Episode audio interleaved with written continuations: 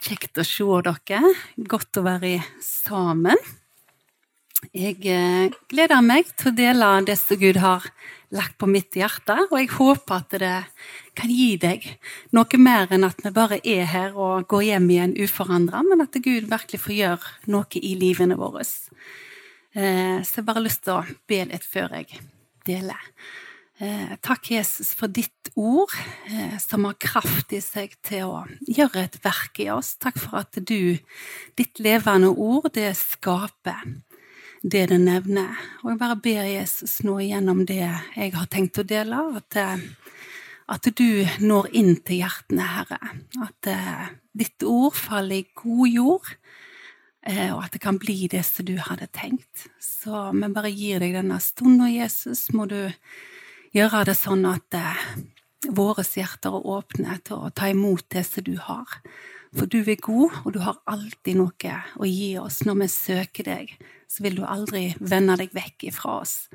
Så vi takker deg for at du er her. Må vi merke det. I Jesu navn. Amen. Yes. Eh, I dag så har jeg litt lyst til at vi skal se på dette med prøvelser og utfordringer i livet. Eh, vi alle går igjennom ulike ting, eh, og en eller annen gang i løpet av livet så treffer vi på prøvelser. Og de aller fleste av oss treffer på de mange ganger. Utfordringer som gjør noe med oss. Vi er ikke spart for det selv om vi er kristne, men vi har et løfte om at det er en som er med oss igjennom alt. Eh, og det er den store forskjellen. Når vi møter utfordringer i livet, så er det alltid et potensial til at det vokser fram noe. Eh, og måten vi reagerer på, eller takler det på, avgjør litt hva som vokser fram. F.eks. hvis vi møter urettferdighet, så kan det fort vokse fram bitterhet. Men det kan òg vokse fram andre gode frukter. Det er litt hvordan vi tar imot det, og hva vi tenker om det som kommer på. For det vil komme ting på i livene våre. Hvis ikke vi er bevisste med tankene våre, følelsene våre oppi det, så kan det fort bli ganske vonde ting som får slå rot i livene våre. Så jeg tenker det er et viktig tema å reflektere igjennom og tenke over. Og det har dere helt sikkert gjort òg, det er ikke det. Men jeg iallfall har gjort meg noen tanker som jeg har lyst til å dele, og som jeg håper kan bli eh, gode for oss. Jeg var på Hjertefokus her i fjor, omtrent et år siden. Eh, og da var det han som underviste, som sa noe som har fulgt iallfall meg siden. Eh, ikke helt ukjente tanker for meg, men han sa det på en sånn måte som gjorde at jeg, det slapp liksom ikke tak i meg. Og Han skulle fortelle om sitt ekteskap, da, og så sier han ja, kona mi hun har en sånn evne til å gjøre meg altså så rasende. Og så sier hun nei, jeg gjør deg ikke rasende, men jeg legger det gysla godt til rette for at du har en mulighet til å bli rasende. og det er en stor forskjell. Jeg gjør deg ikke rasende, men jeg legger det gysla godt til rette for at du kan ta det valget. For det er vårt valg. Og den ble litt sånn aha eh, for meg.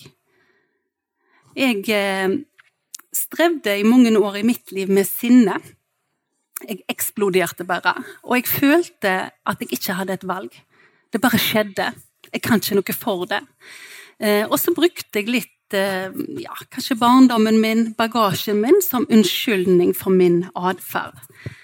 Og så degraderte jeg egentlig min, mitt eget valg oppi det. Og jeg tror ikke jeg tenkte at jeg hadde et valg engang. Jeg så ikke det. Jeg bare snappa. eh, og jeg har jobba med det i mange år.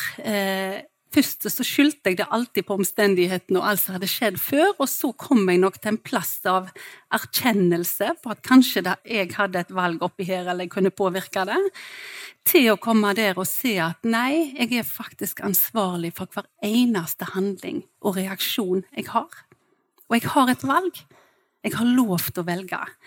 Og så må jeg gjerne finne metoder til på en måte komme der at jeg i det hele tatt velger rasjonelt. Og for meg var det mange ganger å klare å være litt i forkant, gjenkjenne situasjonene som trigger dette i meg. Kanskje gå meg en runde og to rundt huset. Ulike ting for rett og slett deale med de følelsene som dukket opp i meg. For følelser de kommer, de er ikke farlige, men vi må takle dem. Vi må jobbe med dem. Eh, så prøvelser og utfordringer, de når oss alle. Eh, og i Bibelen så finnes det mange eksempler på personer som har lidd urett. Og den som gjerne har lidd den største uretten, det er jo Jesus sjøl. Han elsker likevel, like til døden. Men det står at han er prøvd i alt. Tenk, han valgte å dø for oss mens vi ennå var syndere. Og mange av de som korsfesta han, de så ikke hvem han var engang. De tok ikke imot. Allikevel så valgte han å dø for dem for de som påførte han smerte, urettferdige handlinger, de som tråkka på han, snakket vondt om han. Alle disse tingene som vi kan møte på i livet vårt. De tålte Jesus like til døden. Hvis du tar opp Hebreerne 4, Ole Jørgen, så står det vi har ikke en ypperste prest som ikke kan ha medlidenhet med oss i vår skrøpelighet men en som er prøvd i alt, i likhet med oss, men uten synd. La oss derfor med frimodighet tre fram for nådens trone, for at vi kan få miskunn og finne nåde og hjelp i rett tid. Vi har ikke en ypperste prest som ikke kan ha medlidenhet med oss, fordi han har, han har vært prøvd i alt. Han ble til og med såra av de nærmeste. Peter som sverger 'Jeg skal aldri forlate deg, Jesus'. Meg kan du regne med. Og så går det en dag og to, og så svikter han på det groveste. Og sånn er det jo med oss òg. De nærmeste, de som er mest glad i. Det gjør vondt når vi blir svikta av dem, og det skal vi få lov til å erkjenne. Men Jesus er prøvd i alt. Derfor kan han forstå oss. Derfor kan han ha medlidenhet med oss. Han er vår ypperste prest, som går i forbønn for oss hver eneste dag. Og når vi har det vanskelig, så kan vi alltid få komme til han. Han forstår. En annen historie jeg iallfall har latt meg fascinere av, det er Josef. Mange av oss kjenner historien om Josef. Eh, og jeg tenker på hva de vokste opp i Josef og yngstebroren, som var klare favoritter. Men har vi tenkt på søsken òg? Hvordan opplevdes det å være broren til Josef, hvor Josef var så tydelig favoritt? Faren elsket han og kledde han finere enn de andre, gav han en nydelig kappe. Det er ikke så løye om sjalusien vokste, og at det ble avstand mellom brødrene når foreldrene var uvise på den måten. Og det er ting som gjør noe med oss, som får oss gjerne til å gjøre handlinger som er forståelige på en måte, hvis vi kjenner hele bildet. Det er jo alltid en grunn til at folk handler som de gjør. Men Josef, da, fikk denne nydelige kappen av faren og Josef var jo vant med å være en favoritt. Han var jo vant med å bli særbehandla. Så han la ut vet du, når han hadde disse her drømmene til brødrene og foreldrene. og 'Jeg drømte at alle dere bødde kne for meg' og greier. Og hadde nok forventa heiarop. Nå ble det ikke helt den responsen. Men eh, han var nok litt uvis i sin måte å kommunisere med familien sin da, så han fikk de imot seg. Og så vet vi at brødrene hans de reiste og gjeta sauene, og faren han sendte Josef for å se til dem. Og når Josef finner dem, og egentlig bare skulle høre hvordan det gikk, så ser vi bare raseriet til brødrene. Der kommer stordrømmeren, ja. Så de i sitt sinne og sin frustrasjon hiver Josef i en brønn, og egentlig tenkte å etterlate han der for å dø. Og så kommer en av brødrene opp med en klekkende idé når det kommer et reisefølge forbi. Og de bestemmer seg for å selge Josef som slave. De tar av han kappen, og de river kappen i stykker, og de dypper kappen i blod, og lyger til faren og sier at sønnen din har nok blitt revet i stykker av et dyr. Og faren sørger utrøstelig.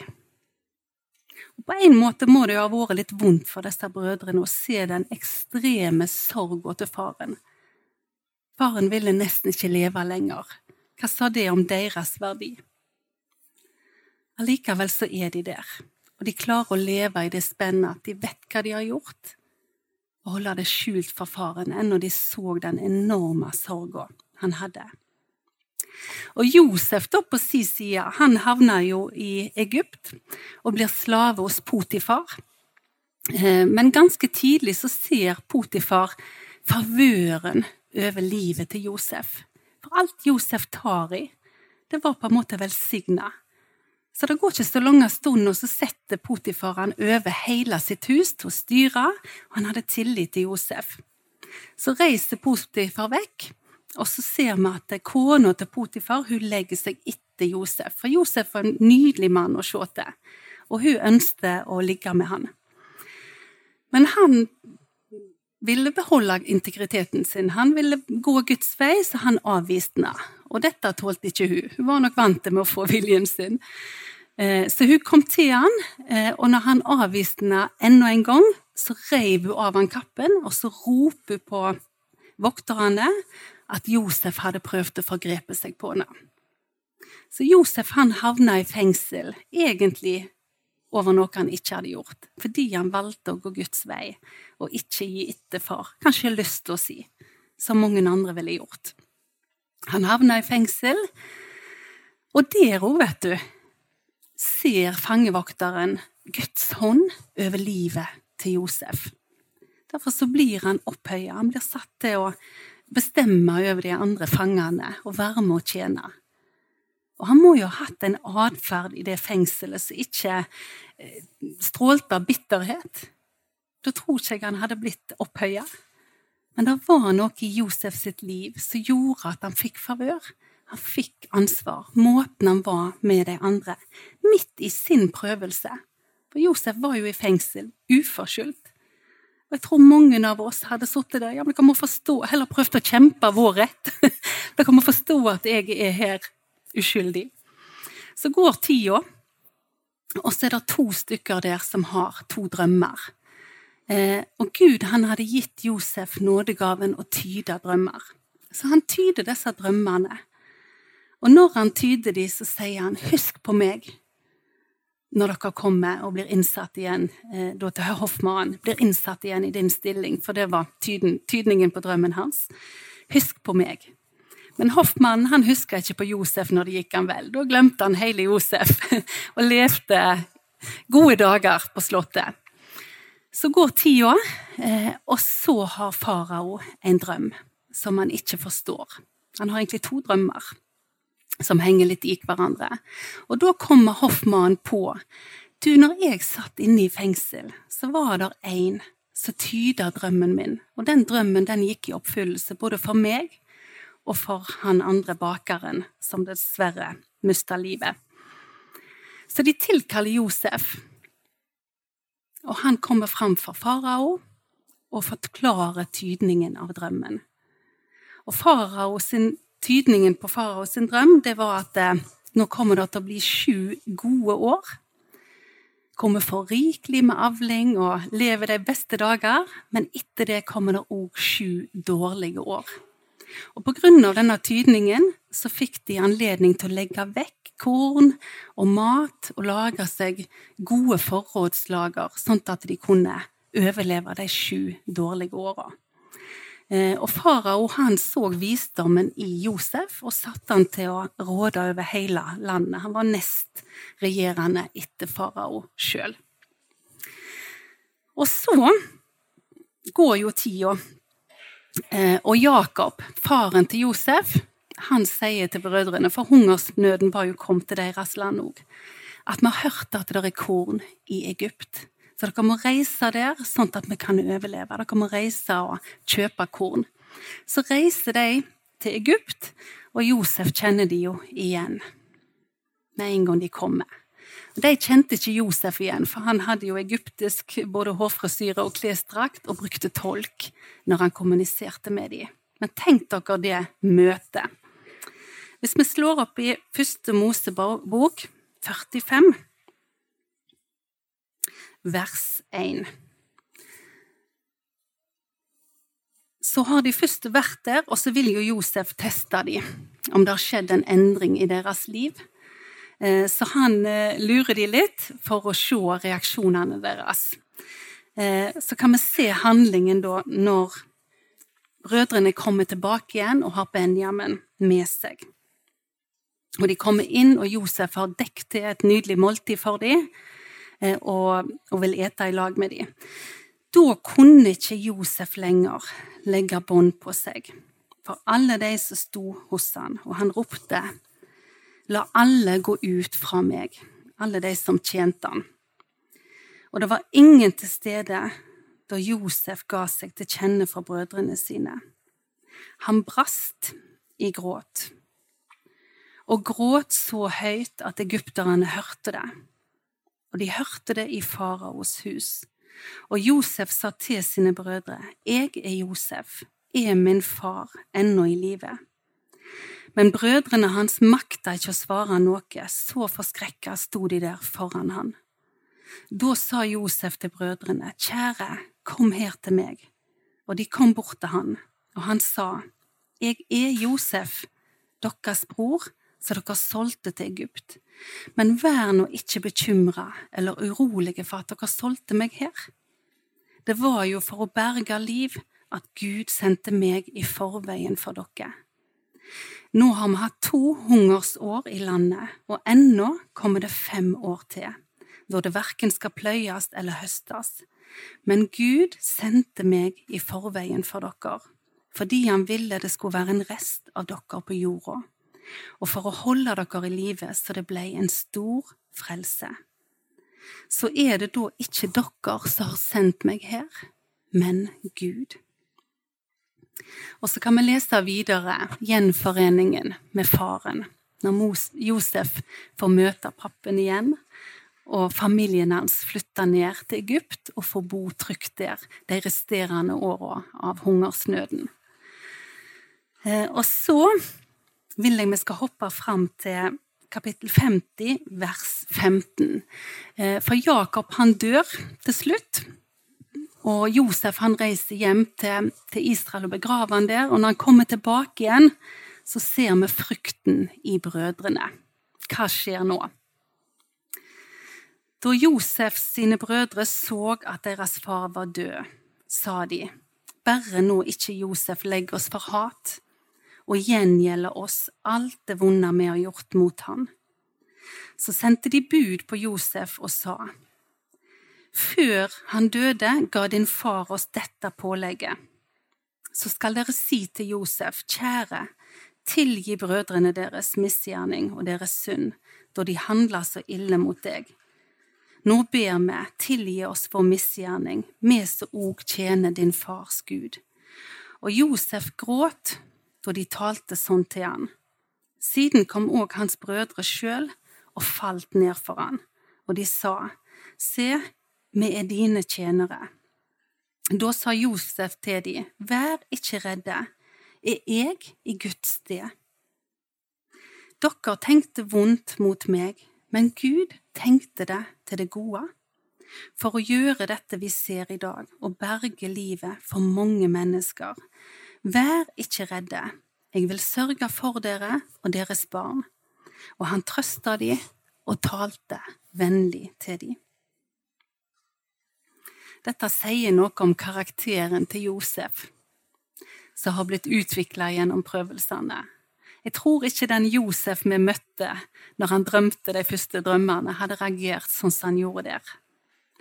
Og det skjer ofte noe med oss og karakteren vår når vi går igjennom tøffe ting. Det er ikke ting vi ønsker oss, men det skjer ofte en endring, og Gud jobber på vår karakter. Eh, Josef møtte ekstremt mye urett, og han hadde all grunn til å både være skuffa og bitter, både på Gud og mennesker. Vi ser helt tydelig åndens frukt i Josef sitt liv. Vi mennesker vi har nok ofte en annen måte å se på dette med åndelig modenhet enn det Gud har. Vi tenker ofte 'Å, han har så masse bibelkunnskap', eller 'hun'. 'Å, de har så flotte nådegaver, og det er så sterkt'. Og så tenker vi at de er åndelig modne. Men Bibelen er helt tydelig på at det er åndens frykt i vårt liv som egentlig avgjør hvordan det står til med oss. Hvor modne vi egentlig er, åndelig sett. Vi har lett for å bli farga av det ytre og se på det ytre, men Gud ser til hjertet. En annen som jeg beundrer, er òg David. Ransak mitt hjerte, Gud, og kjenn meg om jeg er på den vei som leder til livet, eller om jeg er på fortapelsens vei. Han hadde fått tak i noen nøkler i løpet av sitt liv og det er litt sånn godt at historien om David står der, for det står òg om alle feilene hans. Men det står at David er en mann etter Guds hjerte. Og jeg tror at det som gjør at han er en mann etter Guds hjerte, er nettopp villigheten til å omvende seg og erkjenne sine feil.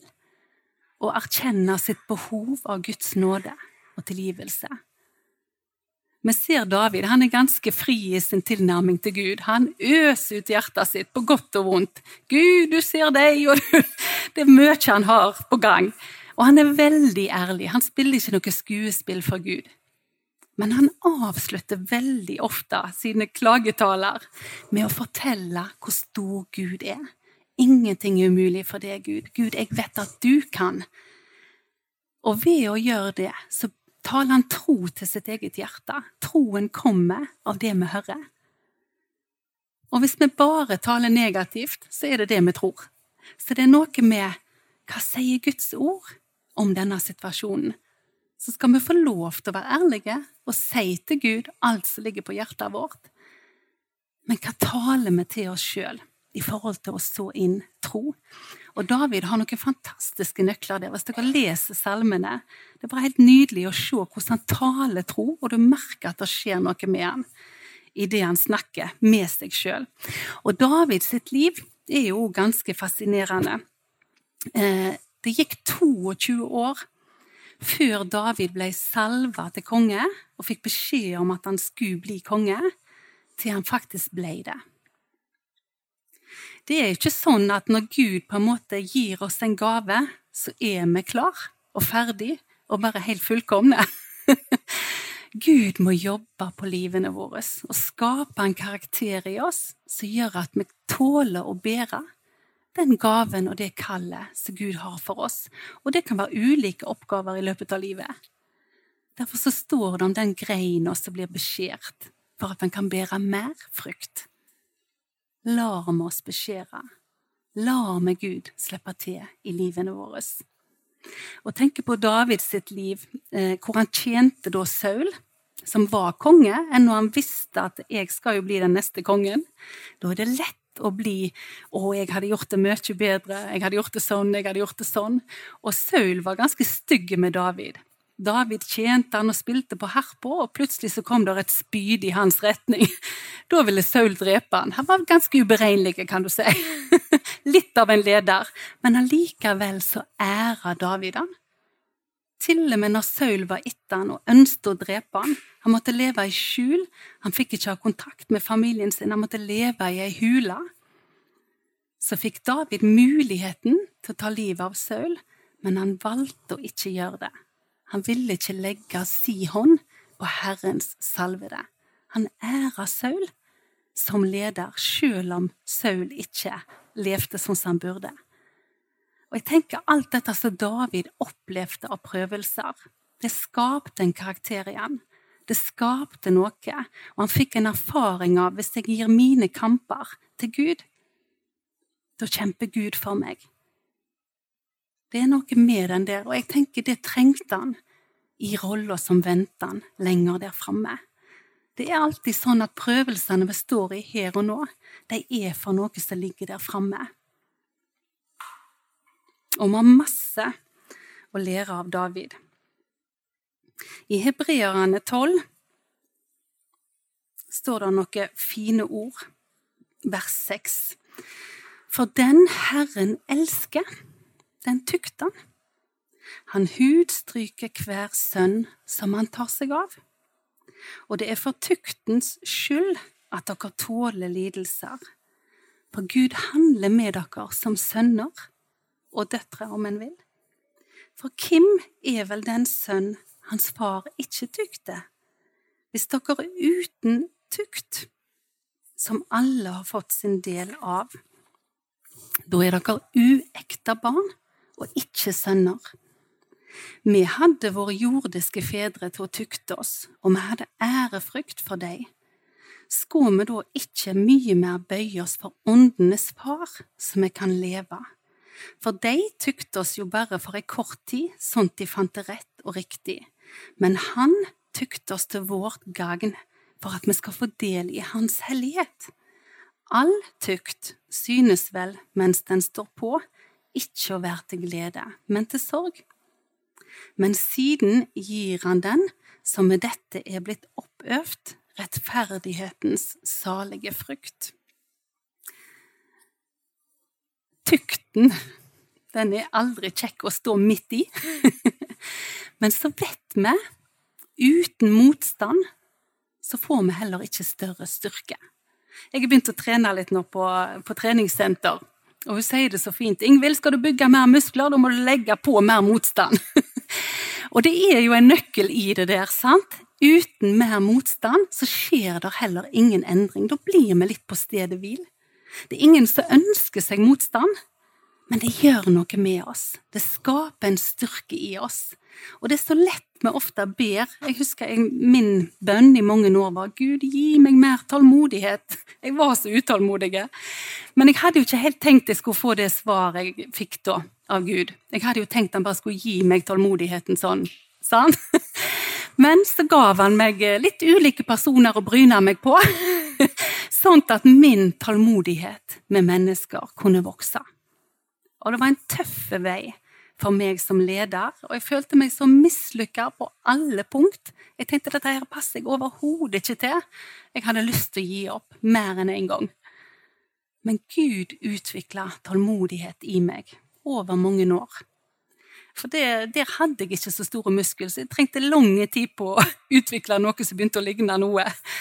Men jeg er glad for det i dag. Jeg er glad for prøvelsene jeg har hatt, for de har gjort noe med meg. Og jeg kjenner jo på at det er det jeg har mest bruk for. Det er de lærepengene der lærte meg, er det jeg har mest bruk for i dag. Og kanskje det kan få hjelpe andre mest med òg. Men det var ikke kjekt når det sto på. Men det taler òg om at Gud behandler oss som ekte barn. Vi er ikke uekte barn. En oppdragelse uten ei eneste grense, hvor vi bare blir klapp på kinnet og 'å, alt er bra og vel', den gjør oss ikke godt på lang sikt. Og vi tenker ofte vi vil liksom at Gud skal være en sånn snill lykkeamulett. Og vi vil gjerne framstille han sånn til andre, men Gud er en rettferdig Gud. Han er en kjærlig Gud, og kjærlighet er òg å tale sannhet, hvordan det egentlig står til med oss. Han elsker oss for mye til å la oss forbli i en tilstand som ikke er bra for oss. For han vet potensialet vårt, han vet hva som bor i oss, og han vil ha fram det beste. Så det er ikke det at han ikke er fornøyd, Akkurat som jeg er med mine unger. Jeg er jo kjempefornøyd med dem, men jeg vil at de skal få fram gullet i seg. Både når det gjelder lekser, så vet jeg hva kapasitet de har, og da pusher jeg dem litt. For deres beste.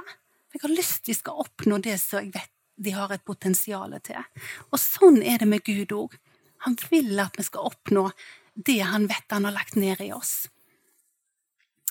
I Johannes 15 står det et vers eller det står noen vers, Johannes 15, 1.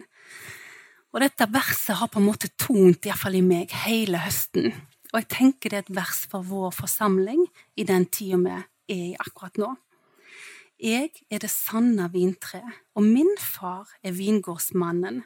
Hver grein på meg som ikke bærer frukt, tar han bort, og hver den som bærer frukt, renser han for at han skal bære mer frukt. Dere er alt reine på grunn av det ordet jeg har talt til dere. Bli i meg, så blir jeg i dere. Liksom greinen ikke bærer frukt av seg sjøl, men bare når han blir i vintreet. Slik kan heller ikke dere bære frukt uten at dere blir i meg.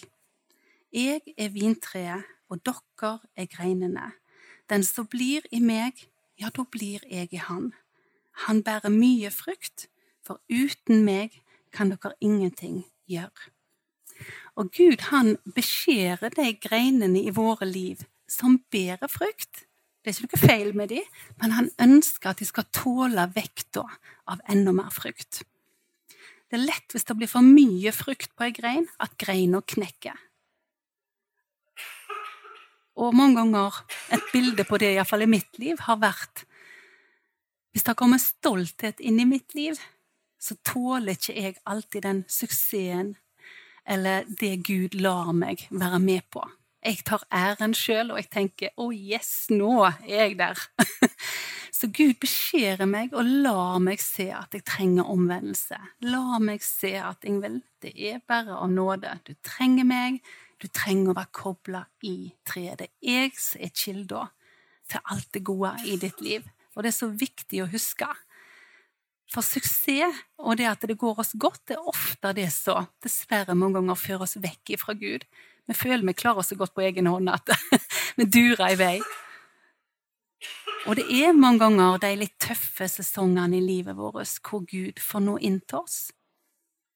Dessverre det er ikke det at Gud vil vi skal ha det tøft, men det er mange ganger da han når best inn oss. Jeg har hørt så mange vitnesbyrd at når jeg var der nede, da fikk jeg et nytt møte med Gud.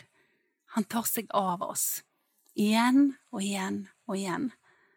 Men det er noe med å bli stille nok til å stoppe opp og kjenne etter Gud. hvordan står det egentlig til med mitt hjertes tilstand? Er vi villige til å la oss beskjære? Er vi villige til å ransake eget liv? Og spørre Gud oppriktig Gud, er der greiner i mitt liv som har potensial til å bære mer frukt, som du ønsker å beskjære? Er det områder i mitt liv hvor det er greiner som ikke bærer frukt i det hele tatt? Hvor jeg trenger å skjære ned til beina og la det gro fram noe nytt? Er det områder i mitt liv hvor jeg ikke slipper deg til? Kanskje fordi jeg tenker at nei, klarer meg så fint. Eller for at det er for vondt å åpne den døra. Er det noen områder i ditt liv hvor du holder fast eksempel på din rett til å være fornærma? Din rett til å være sint? Din rett til å være skuffa? din rett til å ikke tilgi. Vi opplever alle ting i livet som har mulighet til å reagere sånn, og det er helt forståelig menneskelig sett. Men Gud har en bedre vei. Ved å gi det til Han, kast på Han alt så tunge, For Han har omsorg for deg. Det å slippe Han inn i de såra. Gud, her er jeg fornærma for det og det og det skjedde. Det er lovt å sette ord på det til Gud og be Han om å ta det. For Det var ikke meninga at du skulle gå og bære på det. Det tapper deg for gleden i livet ditt og for krefter. Det er tungt å gå og bære på utilgivelighet og skuffelse. Og noen ganger kan vi òg være skuffa på Gud. Det er lovt å si. Han ser det allikevel, og han kjenner det allikevel. Gud ønsker å sette deg fri. Han ønsker ikke du skal være knebla under noen ting som helst. Men han trenger seg ikke på deg. Han vil at du skal åpne døra sjøl. I Johannes' åpenbaring 3,20 så står det Se, jeg står for døra og banker. Om noen hører min røst og åpner døra, da vil jeg gå inn til han og holde måltid, jeg med han og han med meg. Vil du invitere Jesus inn i det som er vondt, med å være ærlig og faktisk sette ord på det. Når vi hører en tale som går på disse tingene, så er det kjempeviktig med respons. Ikke for at jeg trenger å se at du responderer, men din respons til Gud. Jeg tenker ikke det er tilfeldig at dette temaet kommer opp.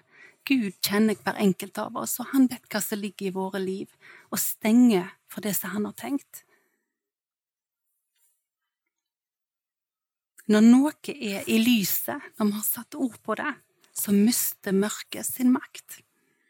Når vi bekjenner syndene våre, er Han trofast og rettferdig og tilgir oss syndene våre. Men vi trenger å sette ord på at vi trenger Guds nåde og hjelp. Vi kan la stoltheten vår stå i veien, men vi kan òg ydmyke oss og sette ord på at Gud, jeg trenger faktisk deg. Og det er den ydmyke som får nåde. Det er en sang som ble spilt når jeg var på Hjertefokus, som gjorde noe med meg. Eh, og jeg har litt lyst nå når vi går i, i ettermøte, eh, å spille den sangen for dere. Og da har jeg lyst til at vi ber Gud, er det noe i mitt liv jeg trenger å ta et oppgjør med? Er det noe jeg trenger å gi til deg? Eh, så er det forbønnstasjon bak. Jeg kommer òg til å gå bak der. Jeg har lyst til å be for deg hvis du vil ha forbønn. Det er òg andre der. Men sitt litt og reflekter når denne sangen spilles, og så kommer bare lovsangsbandet opp etter den sangen og fortsetter. Så har vi en forbønnsstund på Gud for å jobbe med hjertet vårt. Kan vi det? Jesus, da ser du temaet som har vært i dag, og jeg bare ber om at du må hjelpe oss, far, å sette ord på de tingene som kanskje er smertefulle og vanskelige å, å gi fra oss, Herre. Men jeg bare ber om at du må gi den enkelte nå, Jesus, nåde og hjelp til å løfte av det så tynger, Herre, og gi det til deg. At vi kan få kasta på deg all vår sorg, all vår bekymring, alt som vi ofte går og bærer på. Og få kjenne friheten det er med å gi våre kamper til deg. At du skal stride for oss, og vi skal få lov til å være stille. Amen.